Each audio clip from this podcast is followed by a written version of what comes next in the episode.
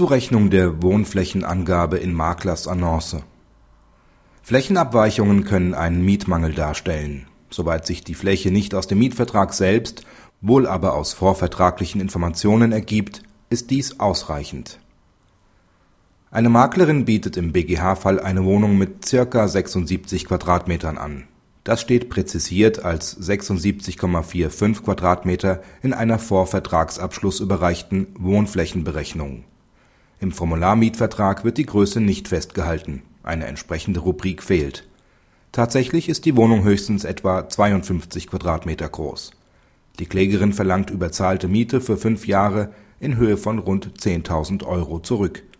Der BGH nimmt infolge Flächendifferenz von mehr als 10 Prozent einen Mietmangel an.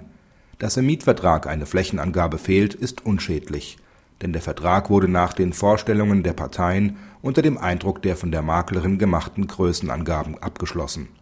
Daraus ergibt sich eine konkludente Vereinbarung der Wohnfläche mit der Folge des Leistungsausgleichsanspruchs der Mieterin. Praxishinweis Der Entscheidung muss zugestimmt werden. Der Mieter darf sich auf die Angaben des Maklers, für den der Vermieter eintreten muss, verlassen für den Vermieter bedeutet dies, dass er die Aussagen des Maklers überprüfen und möglichst richtigstellen muss, um seinerseits Nachteile zu vermeiden. Im Rahmen von durch Makler vermittelten Kaufverträgen ist dies anerkannt